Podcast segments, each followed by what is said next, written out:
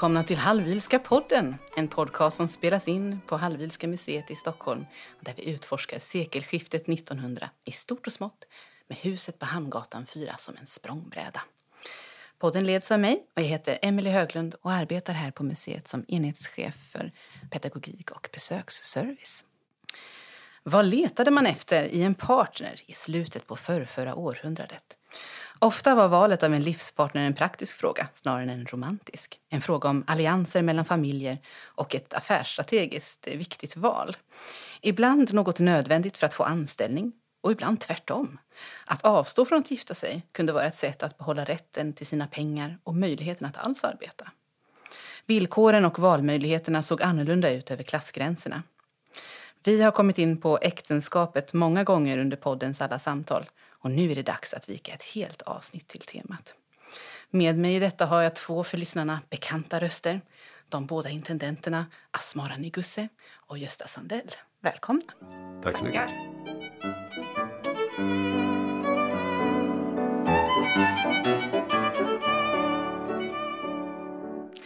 Om vi börjar med hur man alls såg på äktenskapet i allmänhet. Eh, var det någonting som skilde sig åt mellan klasserna eller var det så här affärsstrategiskt så som jag beskrev det genom hela ledet? Ja, alltså jag skulle väl säga en affär för båda men kanske med två helt olika motiveringar. Så hur och när man väljer att gifta sig blir väldigt olika beroende på samhällsklass. Det snabba svaret. ja, vill du utveckla lite? Ja, det, jag tänker vi kommer ju se lite mer med Walter och, och Wilhelmina och, och, familjen, just det här högborgerliga, vad som motiverar där. Och det är kanske också den här bilden man har av eh, förra sekelskiftets eh, giftermål.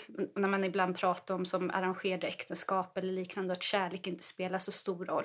Vilket jag tror vi kan motsätta oss lite när vi tittar i materialet.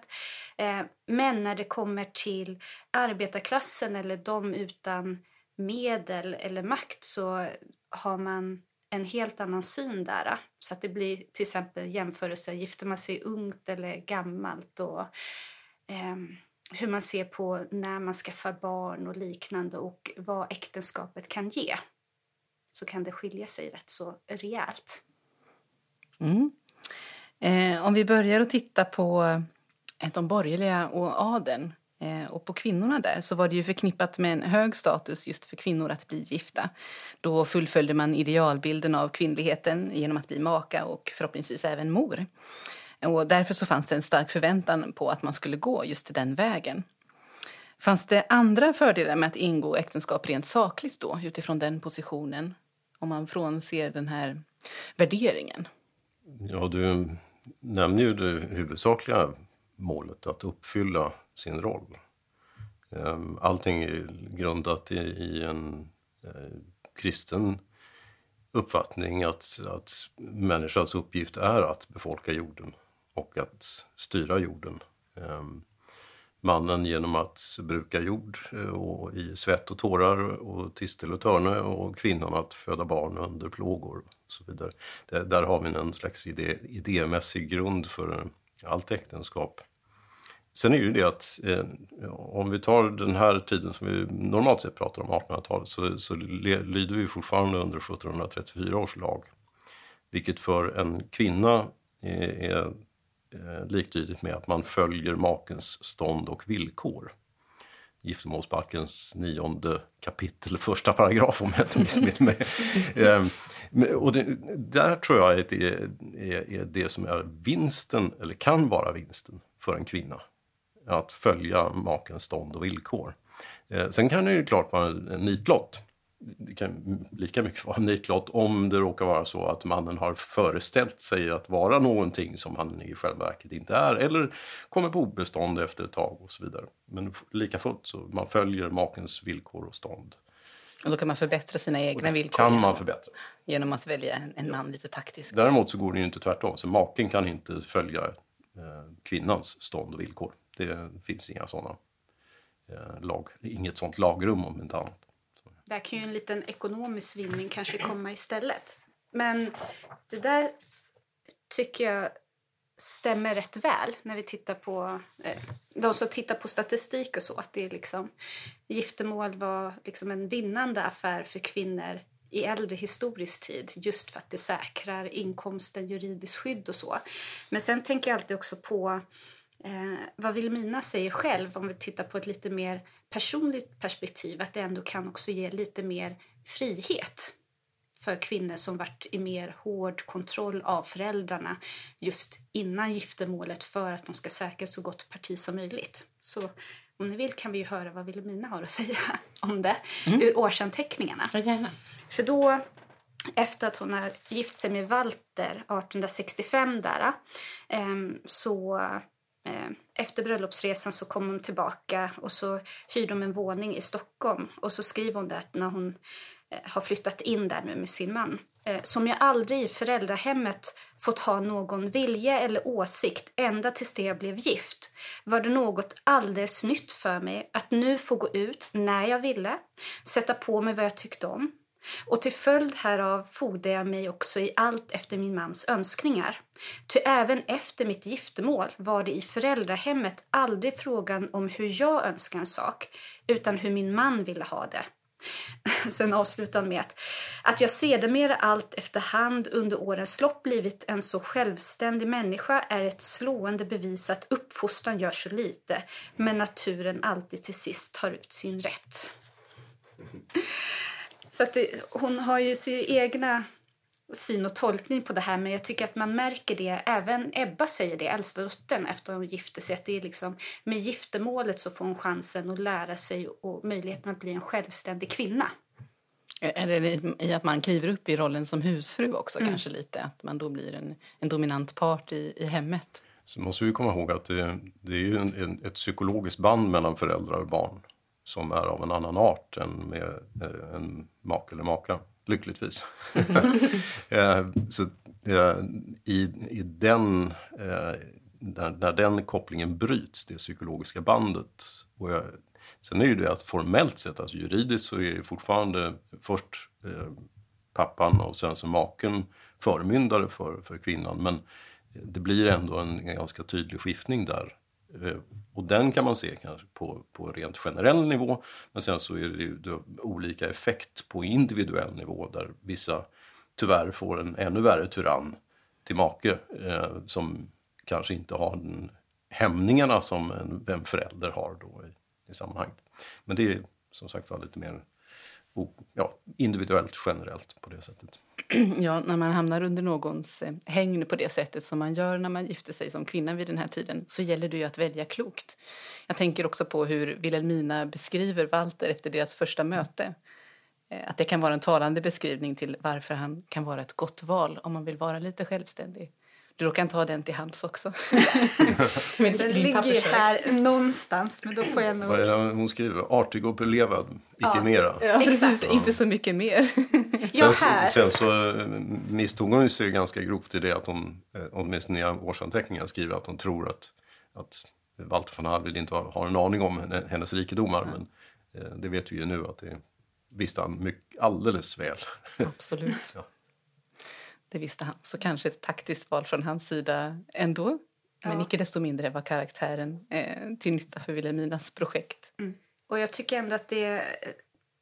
Just där får vi också den här äh, perspektivet att eh, kärlek och lycka ändå har en betydelse, väldigt stor betydelse för även de här äktenskapen som kan ses som väldigt arrangerade eller att det är mellan man och eh, fader, gift och man. För Wilhelmina skriver ändå här efter förlovningen så skriver hon att ja, jag var så lycklig inom mig själv och har aldrig behövt ångra mitt val. Ty ännu efter så många år håller jag lika mycket av honom. Eh, och det vill säga mycket. Och hon är ju otroligt ledsen när han går bort sen, 1921. Men det här tycker jag är lite intressant för att det är lite litteratur som tittar på det här med synen på äktenskap och kärlek. De visar också väldigt tydligt att eh, även om det inte är kärlek som är första orsaken till äktenskap så ses det som en central del för ett äktenskap för att det ska bli lyckligt. Oavsett att eh, de här rationella sakerna som ekonomi och liknande och liknande värderingar står mycket högre så är det ju att ett tvingat till äktenskap är ett olyckligt. Och ett, ett, ett äktenskap som inte fungerar är inte ett äktenskap man vill ha. För jag tror vi kommer komma till det sen där också. Alltså äktenskapet ses ju också som en central del för att skydda samhället och för att det ska fungera så väl som möjligt. Så då är det ju bra med lyckliga människor i äktenskap. Man tänker sig väl också att eh, lyckan i ett äktenskap är någonting som kan växa fram bara genom att man lever tillsammans som man och hustru. Mm. Jo, självklart där, men att det är man märker ju på samma sätt också som du hänvisar till lagen där tidigare. Den säger också tydligt att det ska vara eh, samtycke. Båda parterna ska säga ja till äktenskap. Så även om Vilhelmina som omyndig kvinna måste ha sin fars tillåtelse som giftoman, hon har ändå rätt att säga nej. Och hon säger ju nej till flera innan hon väljer Walter. Och det är ju till och med då föräldrarna blir förvånade. För de, pappan var nästan redo att skicka ett artigt eh, tack men nej tack till Walter när han skickar brev med frieri. Vilket också är en intressant detalj. Walter skickar ju brev med frieri till Vilhelminas pappa. Absolut.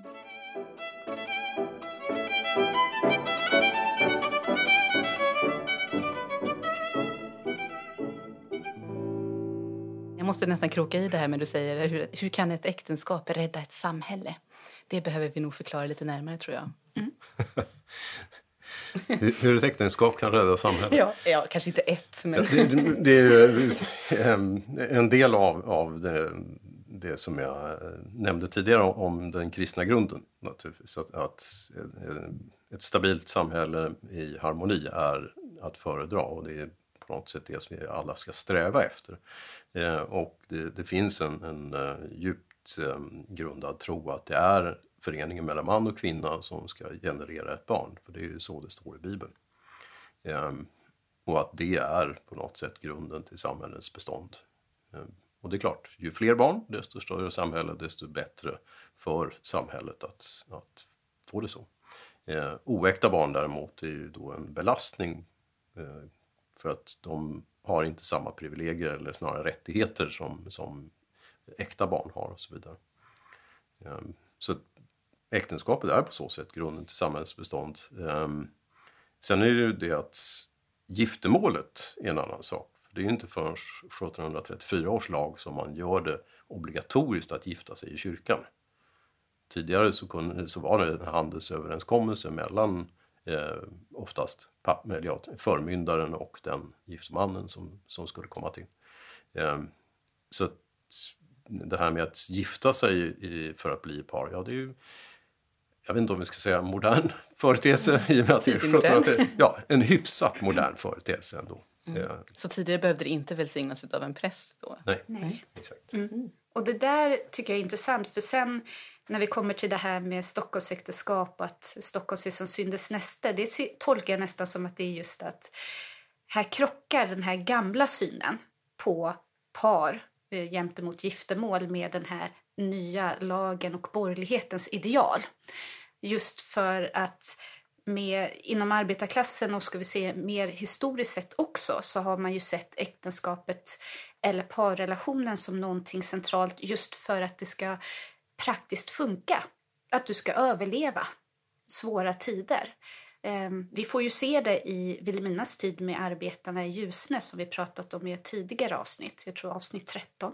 Det kan man lyssna närmare på där. Men kort sagt, där så ser man till exempel att arbetarna i Ljusne så var det ju eh, de som var fast anställda var i majoritet gifta män. För de fick det bättre ställt, bättre bostad, lön och så vidare. Men det var också för att sågverksbruket hade inte kunnat fungera med bara ensamstående män som anställda.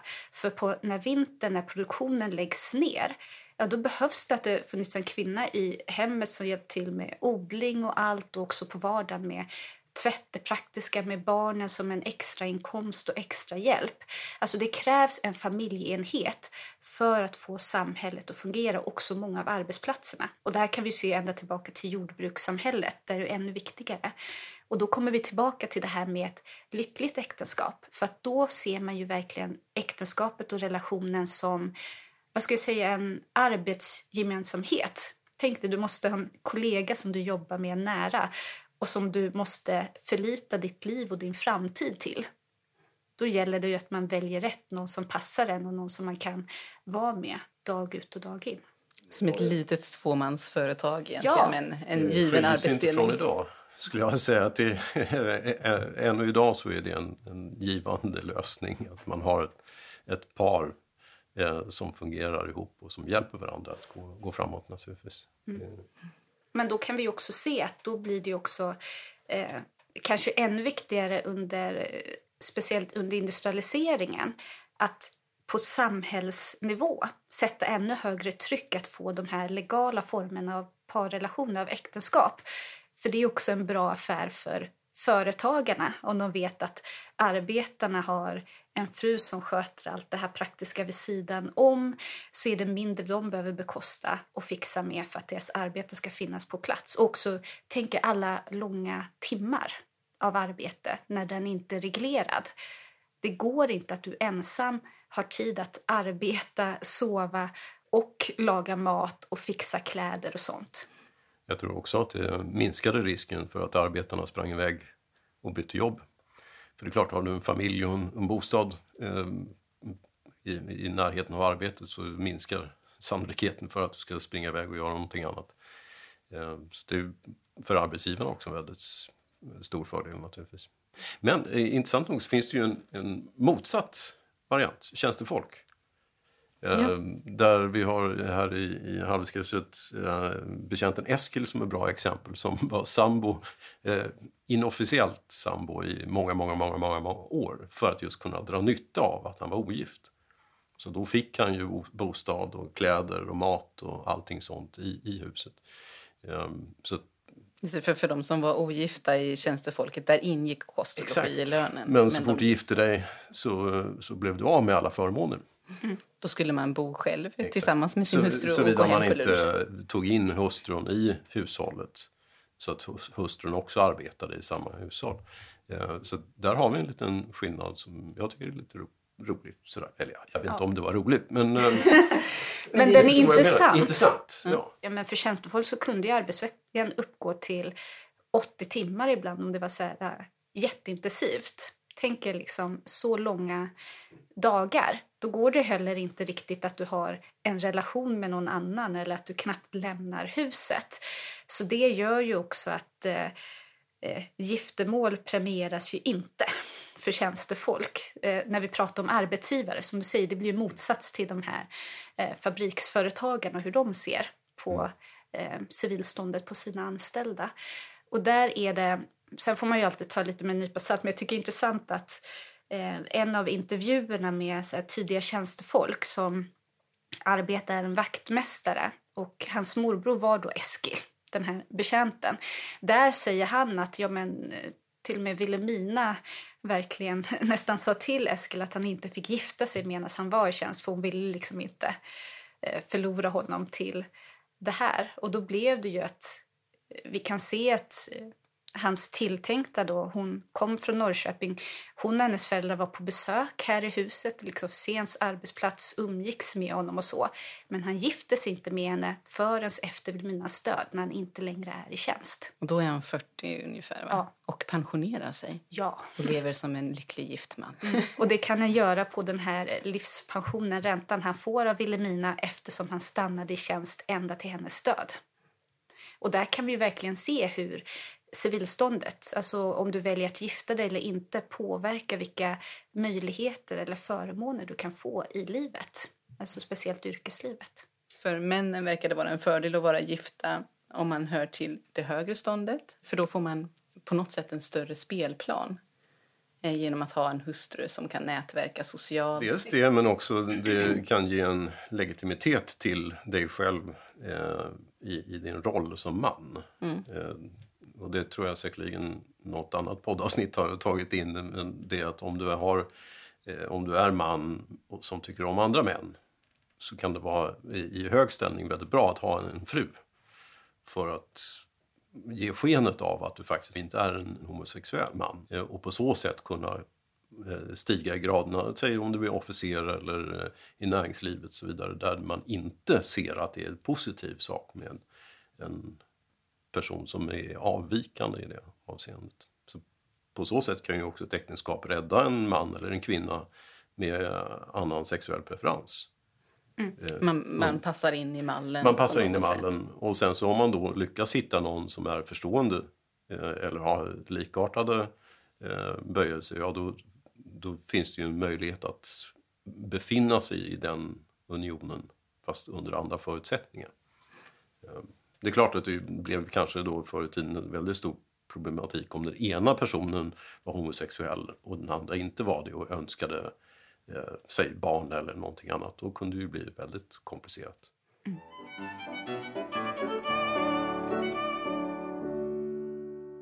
Men jag tänker också utifrån familjens historia på fördelar med att vara gift som när Ellen lämnar sin man, eh, Henrik eh, Dömare. Mm. Eh, då är det lite problematiskt för honom ur en karriärsynpunkt att bli frånskild. Men det kanske mer handlar om att skandalen i att vara frånskild snarare än att vara ogift. Ja, jag tror också att det, det finns en, en um, ganska djupt rotad föreställning om att man eh, inte ska vara en edsbrytare. Eh, det kan tyckas ålderdomligt men eh, det finns en tanke om att om man bryter äktenskapslöftet så, så det är inte bara så att man har varit eh, otrogen som, som vi skulle säga idag, ja du har varit otrogen. Utan då har man verkligen brutit ett löfte som du har avgett inför Gud.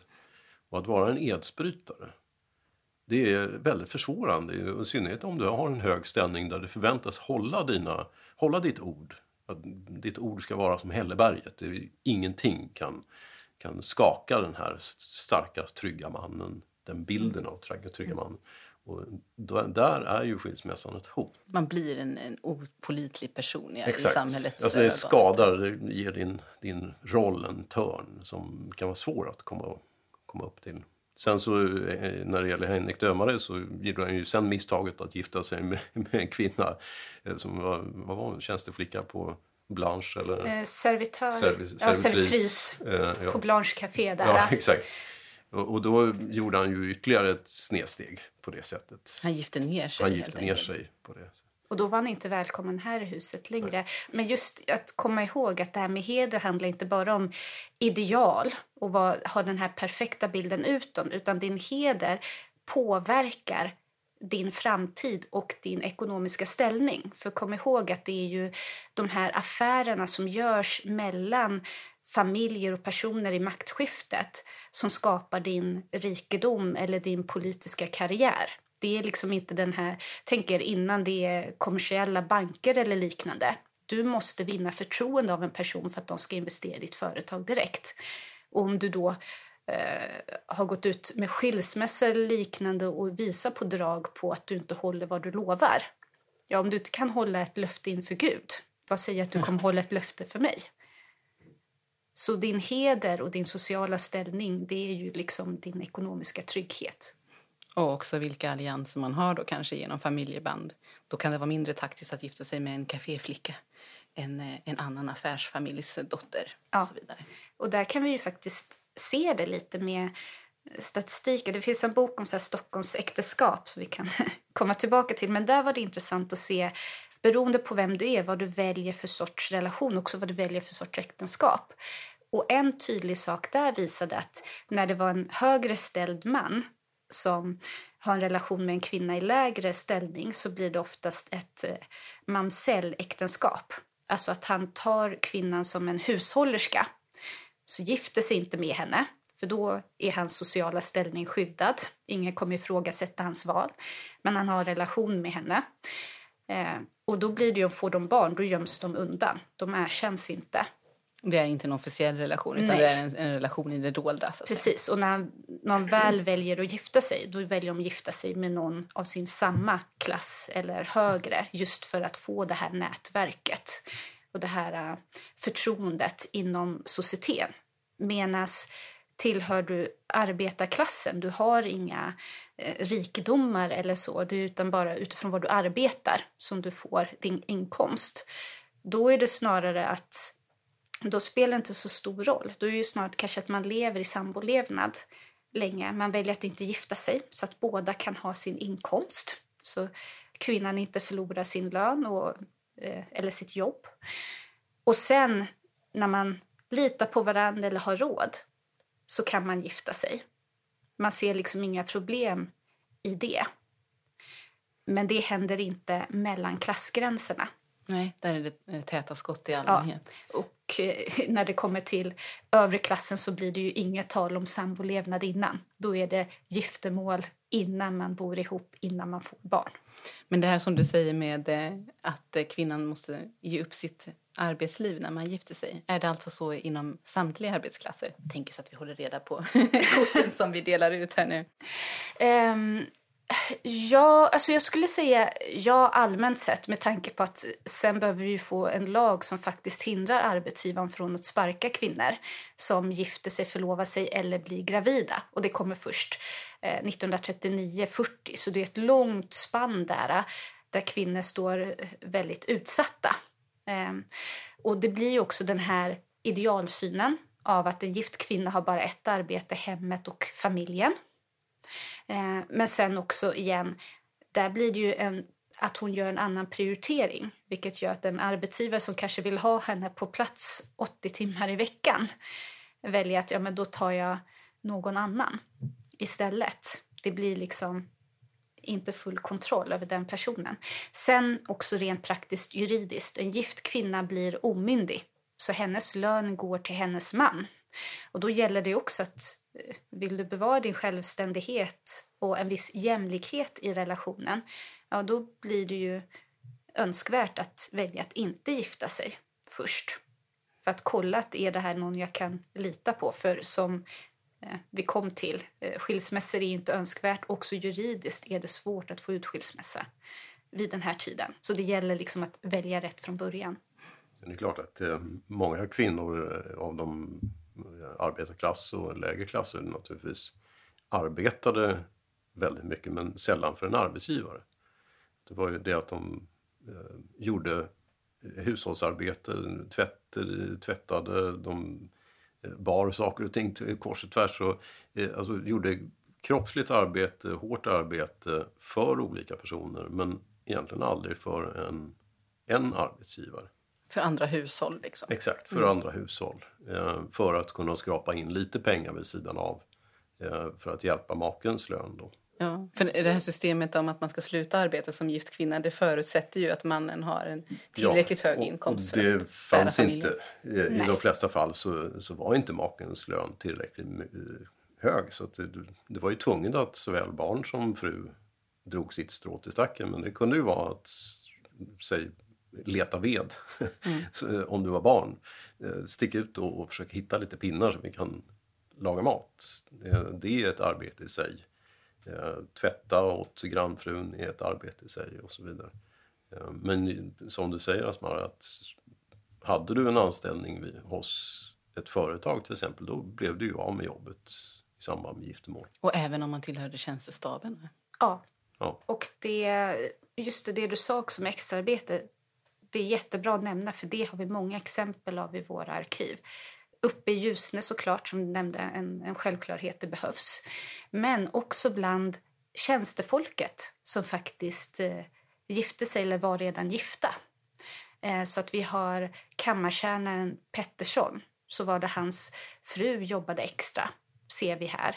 Eh, till exempel hjälpte till med storstädning och liknande eh, skogsmästaren i Erikslund, hans fru tar hand om tvätten här i huset. Alltså de bostad packar ner all tvätt, skickar det till Erikslund med ångbåt. Hon tvättade, det skickar tillbaka till Stockholm och sen stryks. Eh, eh, av någon företagare här. Så att när vi tittar i arkiven, eh, det märkte jag först när jag tittade på livräntorna faktiskt. Eh, för då dök det upp en massa kvinnonamn som jag inte kände igen. Men då såg jag bara, ja men fru till den här anställda, fru till den här anställda. Så väldigt många av fruarna till tjänstefolket arbetade extra för hushållet. Men talande nog som du sa, de ska inte konkurrera med mannens lön. Deras livräntor är oftast hälften av mannens. Livränta är någon sorts pension? Alltså. Ja. Jag tänkte det kan vara bra att förtydliga.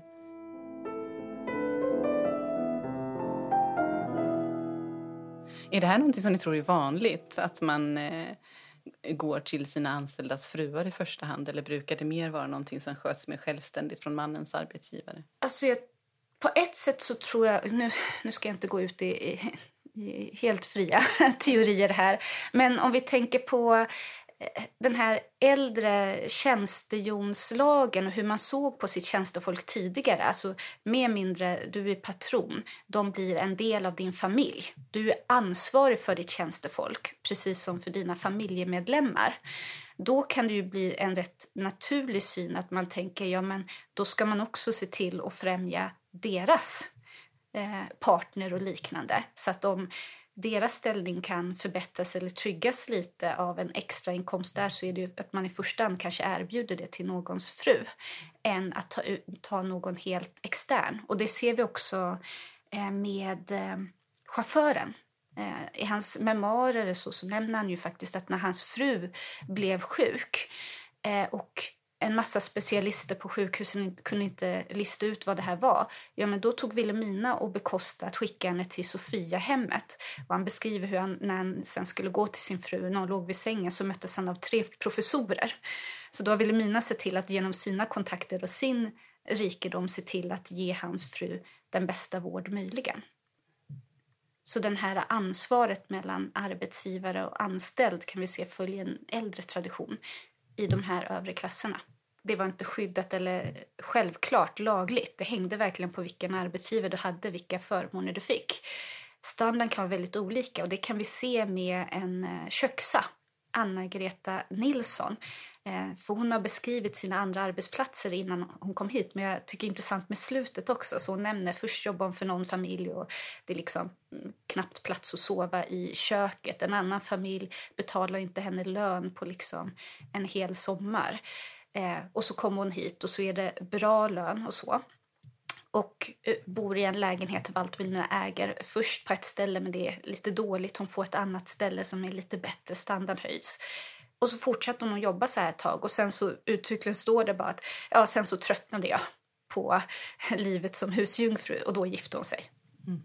Att, och där ser du också väldigt tydligt att för en kvinna eh, så blir det här arbete som ger högre lön förbehålles män. Så att då blir det lite så här, ja men visst självständig men till, till slut når man ett tak i hur bra lön och ställning man kan ha som självständig kvinna och då kan liksom äktenskapet bli en, en bra affär för en. Och då blir det ju också att kvinnor i arbetarklassen gifter sig senare i jämförelse med de i övre klassen där det är istället viktigt att de gifter sig så fort som möjligt så att de kan få så många barn som möjligt. Arbetarklassen är tvärtom bättre att gifta sig äldre så man minimerar risken med stort antal barn så det inte blir en alltför stor ekonomisk belastning. Ja, det där är ju lite spännande. Eh, just med åldersskillnaderna. Gäller det här kvinnor och män skulle du säga? Gifter sig för att om man tittar på de övre klasserna så gifter sig väl männen ganska sent men flickorna så snabbt som möjligt så att man säkrar förmyndare eh, till dem och eh, barnaskaran som du pratar om. Mannen ska ju kunna göra karriär först ja, för precis. att säkra inkomsten och sen så ska kvinnan vara så ung som möjligt för att få många barn. Ja. Mm. 15 års gräns var det när Walter och Elimina gifte sig för en kvinna. Var det 21 för män då? 21 för män och 15 för kvinnor. Mm. Men åldersskillnaden var ofta mycket större än så? Ja, ja. mannen kunde ju vara uppåt 30, 40, 50 år mot en 15-åring. Mm. Låter för oss lite konstigt kanske, mm. men ähm, ja. Mm. Och där blir det ju också tydligt att eh, du ses som en kvinna och giftasmogen efter konfirmationen i en koppling med kyrkan där. Men det jag hade inte insett och jag tyckte var intressant när jag läste boken Stockholmsäktenskap är ju att det är mer eller mindre tvärtom i arbetarklassen. Där kan man se flera yngre män som gifter sig med äldre kvinnor kanske ska påpeka att det här är mitten till slutet på 1800-talet när det är, som du nämnde Gösta tidigare, väldigt vanligt med kroppsarbete och praktiskt arbete. Du jobbar inte för en arbetsgivare utan du gör massa olika, eh, hjälp till en massa olika personer. Och då är ju kvinnans arbetsduglighet det som avgör hennes eh, möjliga karriär så att säga. Eh, så att hon, ju äldre hon är, desto mer arbetserfarenhet har hon, eh, desto snabbare kan hon jobba och desto mer lön kan hon få. och hon har haft längre tid att spara pengar så hon har hemgifte att ge hennes del i den ekonomiska investeringen i äktenskapet. Så det gör ju att flera kvinnor känner sig liksom giftasmogna när de är äldre. Och då kanske vi ska precisera. Ja, vad är äldre, i det här sammanhanget? Alltså som eh, slutet på 20-årsåldern upp till mitten av 30-årsåldern ungefär. Eh, Medan männen kan vara lite mer början till mitten av 20-årsåldern när de gifter sig. För att kvinnan så tar det tid att skapa kapital, arbetarkvinnan, precis som för den eh, eh högre ståndsmannen måste göra karriär. Medan för arbetarklassens män så är det en bättre investering att gifta sig ung, för det är då de tjänar som mest. För det är då de klarar det, det, det hårda kroppsarbetet.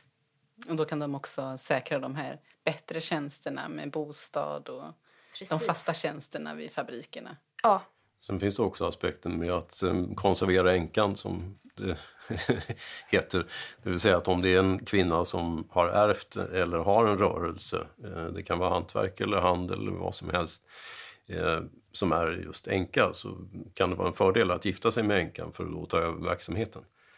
Eh, och där hittar vi också många av den, av den typen av äktenskap där mannen är yngre och kvinnan är äldre och där kan det ju också vara väldigt stora gap där det var inte tal om att det skulle vara vad ska vi säga, någon kroppslig kärlek i, i sammanhanget utan det var en affärsuppgörelse. Att, att änkan inte orkade driva verksamheten och då ville ha en yngre förmåga som kunde ta över.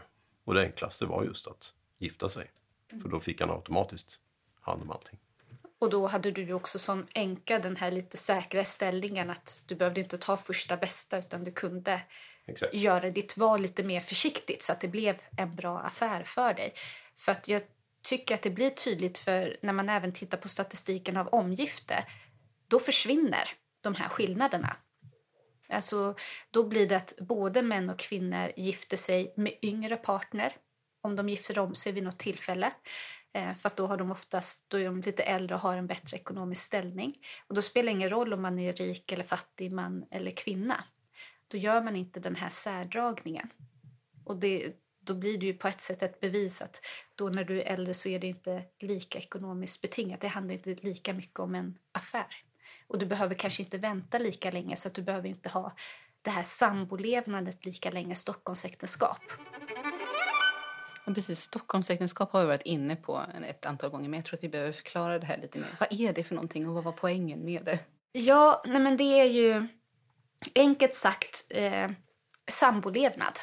Det är att du eh, lever med, som kvinna, lever med en man, kan ha barn med honom utan att du gifter dig med honom.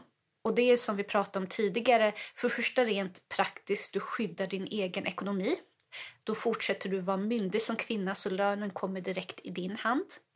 Eh, sen också att det finns ingen risk att din arbetsgivare kan se i kyrkoböckerna att du är gift, att du skulle förlora ditt jobb för det. För som vi kommit in i tidigare, man är beroende av bådas lön inom arbetarklassen. Så då blir det ju också rent ekonomiskt tryggare att välja att inte gifta sig förrän man vet att man kan leva på mannens lön enbart. Att man inte är i den beroendeställningen. Så då blir det ju ett Stockholmsäktenskap, sambolevnad, det blir ett sätt att då kan ni tidigt bo ihop. Ni satsar. Man kan säga att det är för eh, steget till ett äktenskap. För då kan ni flytta ihop, sänka kostnaderna med boende och mat. Ni fördubblar inkomsten ibland med att det är två löner som kommer in.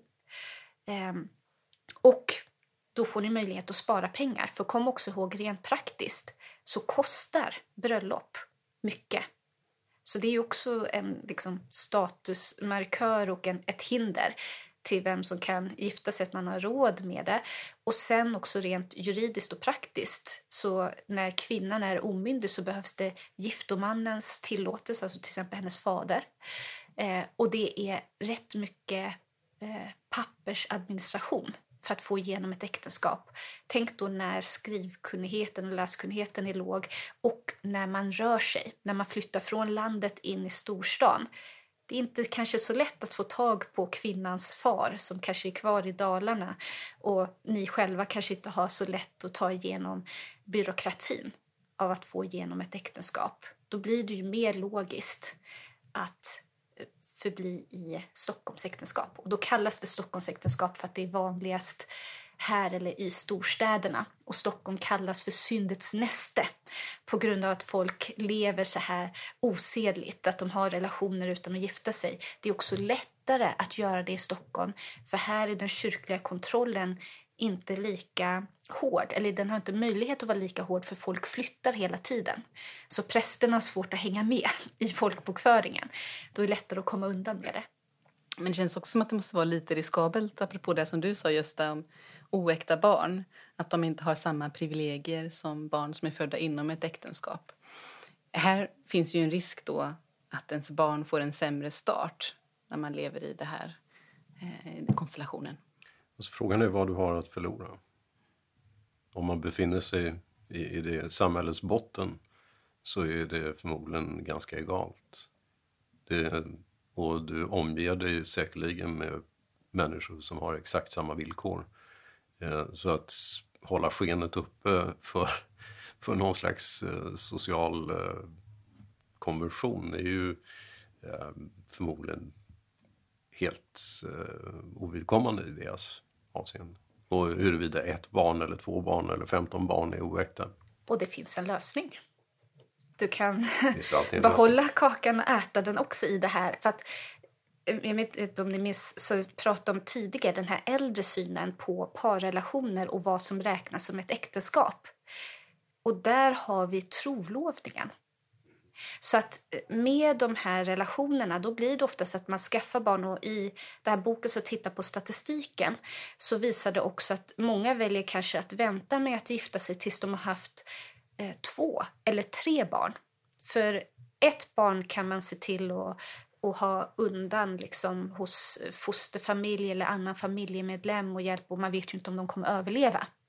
Men har er relation gått så långt att ni har flera barn, ja då kan man se en motivering till att göra dem legitima och få det här skyddet som äktenskapet ger. Men då går man bara till prästen när man nu har råd och känner sig stabil och vi vill gifta oss, vi vill göra det här lagligt.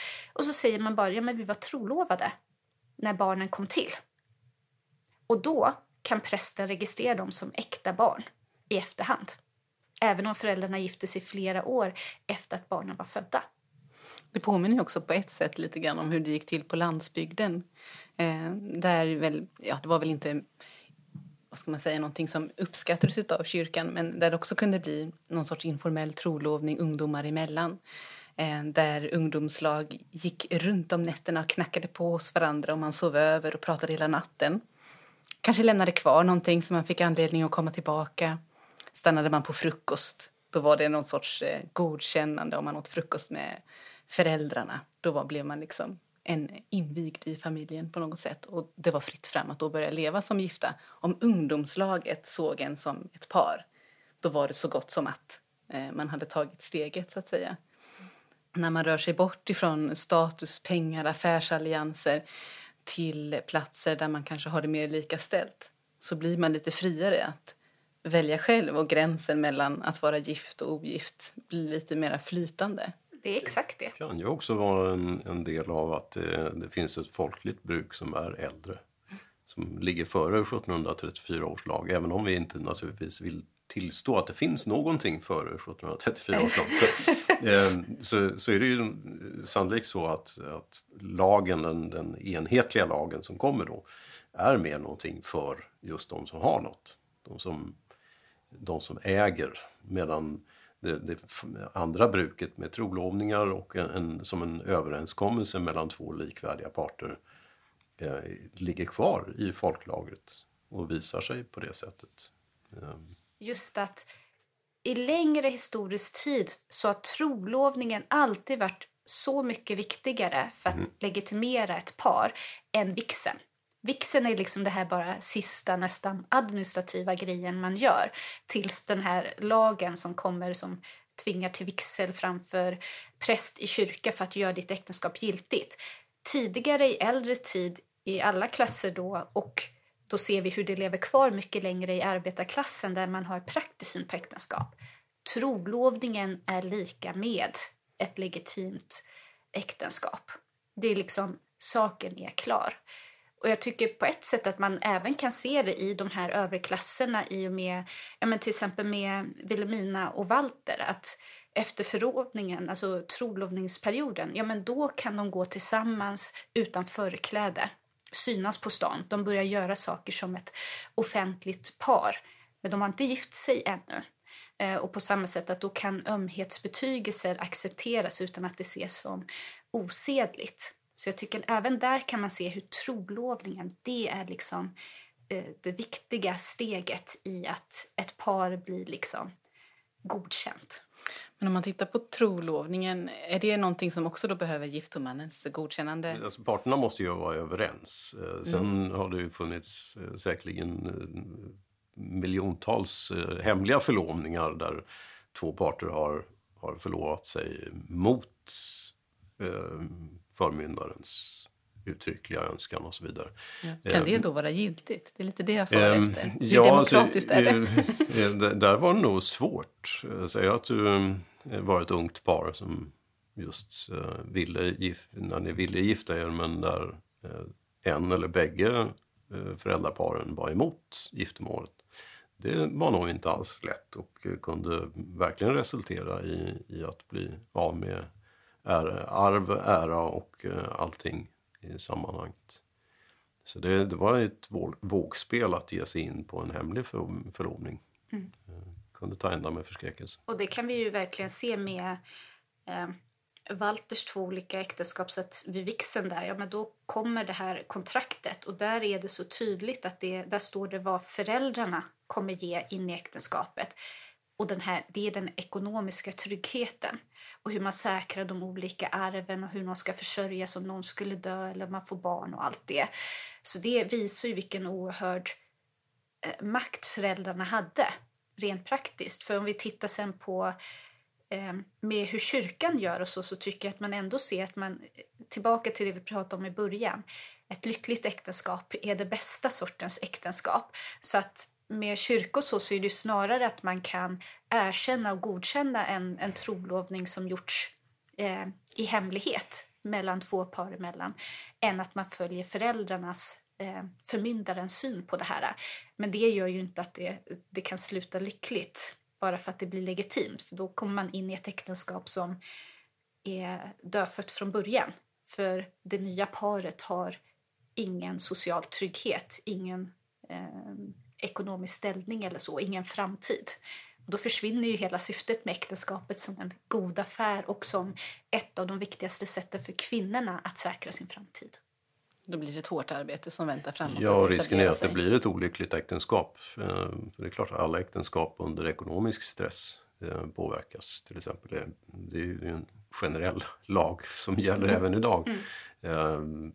Eh, ja, och, men jag tror att det är en sak som på den tiden också var eh, tydlig. Det var ju det att skilja mellan förälskelse och kärlek. Eh, och alla de här inofficiella förlovningarna och, och passionerna mellan ett ungt par var ju att undvika av den enkla anledningen att passioner är någonting övergående.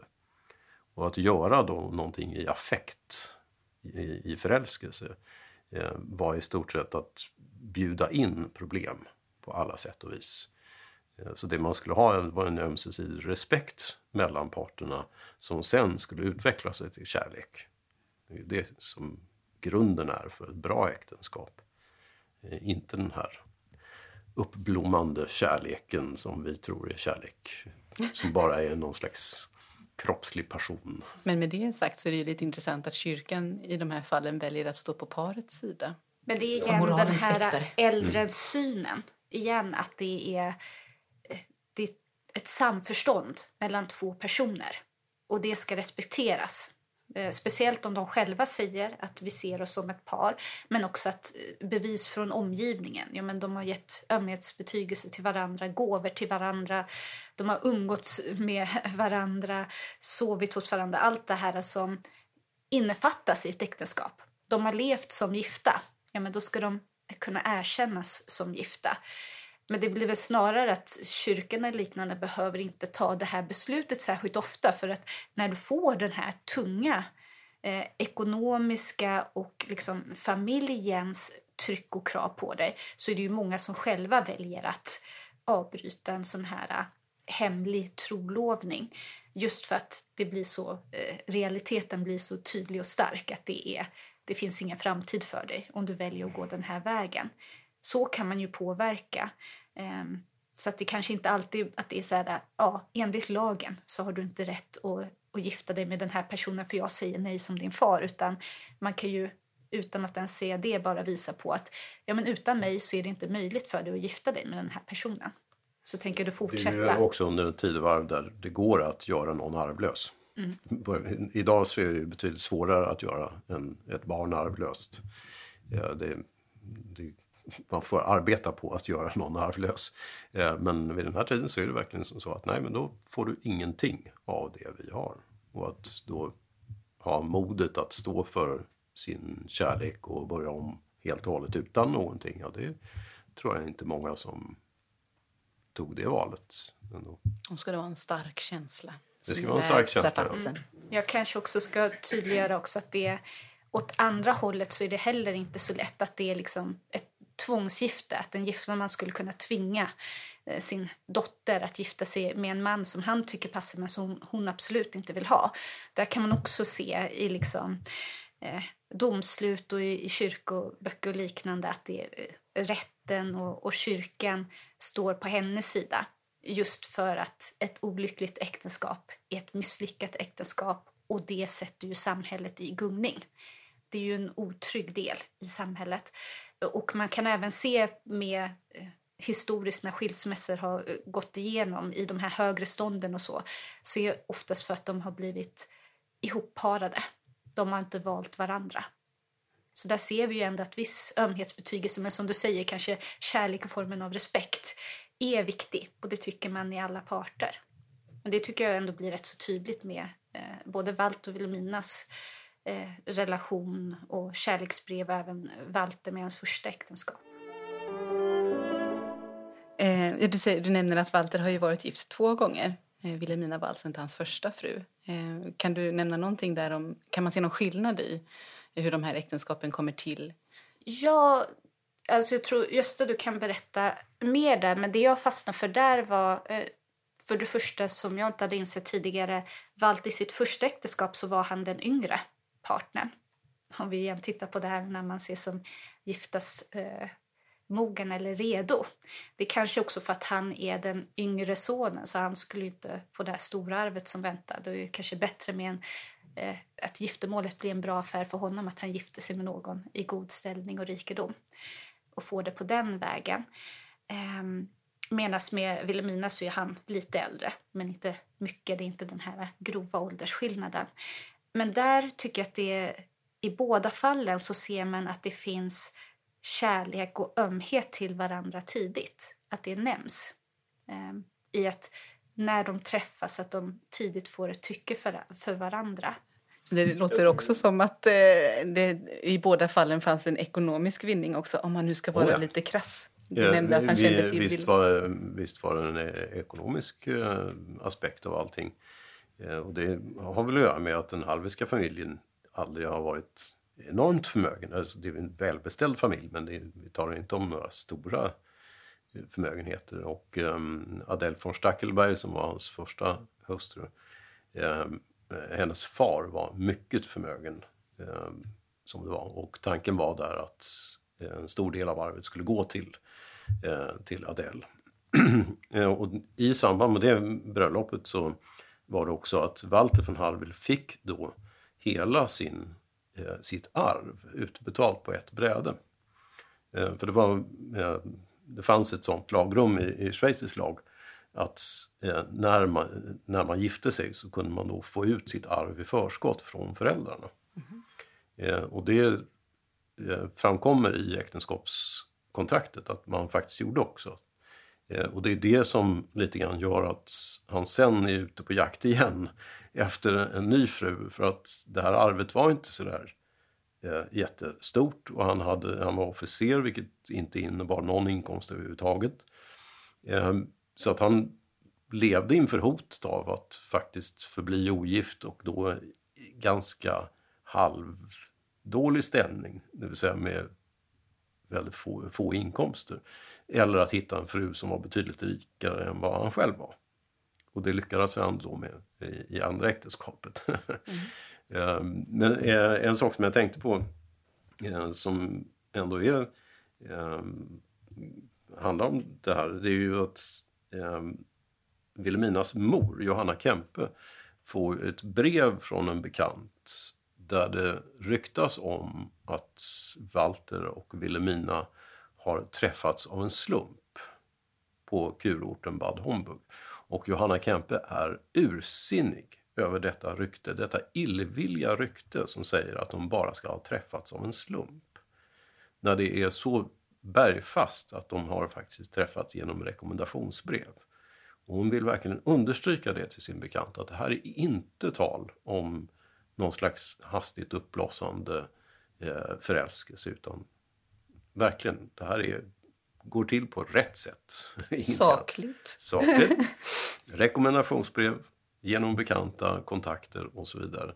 Ehm, och att Vilhelminas mor blir så upprörd över det här Det är ju ett väldigt bra tecken på hur man såg på där, hur startar en relation. Det ska inte vara hur som helst. Det ska inte vara någon som en flyktig blick över en kopp te eller vad det nu är. Och det är ju...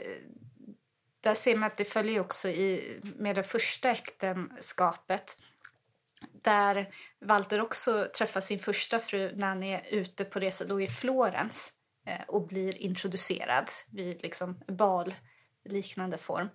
Och där blir det ju också, ja, fatta lite tycke för honom. men där tycker jag också intressant att det beskrivs att eh, hon eh, hade liksom känslor eller en annan intressent så här, som hon tittade på. Så att hon tittade inte på Walter där först men att där fick hon inte den här bekräftelsen snabbt på att ja, men det här intresset mellan de två parterna skulle leda till förlovning. Så då släpper man det. Så att det blir också det här att det är bara för att man har lite känslor eller är attraherad av någon, det låter man inte styra liksom det här praktiska. Om de inte då kan komma till beslut och fatta tycke snabbt och säga okej, okay, men nu går vi från svärmeri till förlovning. Då är det bara att släppa det. Och då när hon gör det så har hon umgåtts med Walter och hans eh, storebror, alltså bara några få månader. Eh, och så när han åker hem så skickar han brev med frieri till hennes föräldrar. Och de säger till henne och hon tackar ja. Och då beskriver hon också lite att hon har eh, varit lite mer attraherad av honom under den här tiden. Så att igen, man ser, man fattar tycke för varann men att det går rätt till. Där umgås med förkläde, de här eh, offentliga tillställningarna. Frieriet kommer i form av ett brev till hennes giftoman. Inte direkt till henne. Och det är till och med när Walter, precis när han ska ge sig av, så ger han henne ett självporträtt om jag minns rätt, att han tecknar ett självporträtt av sig själv men sätter det i en liten fin ram och att hon då först frågar sin mamma, får jag behålla det här? För att det är så fint gjort att gåvor ses som ett tydligt bevis på att den här relationen är allvarlig. Så att det kan liksom tas som att okej, okay, vi ska ta steget vidare till förlovning i och med att mamman säger okej okay till det så kanske också Walter fick ett liksom indirekt okej okay till att skicka ett brev med frieri. Nästan, låter nästan som ett litet test. Ja, ja men det är just det där att man, man synar varandras handlingar och så. Eh, och Vilhelmina nämner det själv också, just det här att det, förväntningen är ju att man umgås med eh, den man tänker gifta sig med, då flickan i det här fallet, och hennes föräldrar. Ni går aldrig oeskorterade runt förrän ni är trolovade. Då kan den här personliga relationen få byggas upp. Men innan dess så är det hela tiden med föräldrarnas översyn för att se till att allt går rätt till och att det här är en passande person.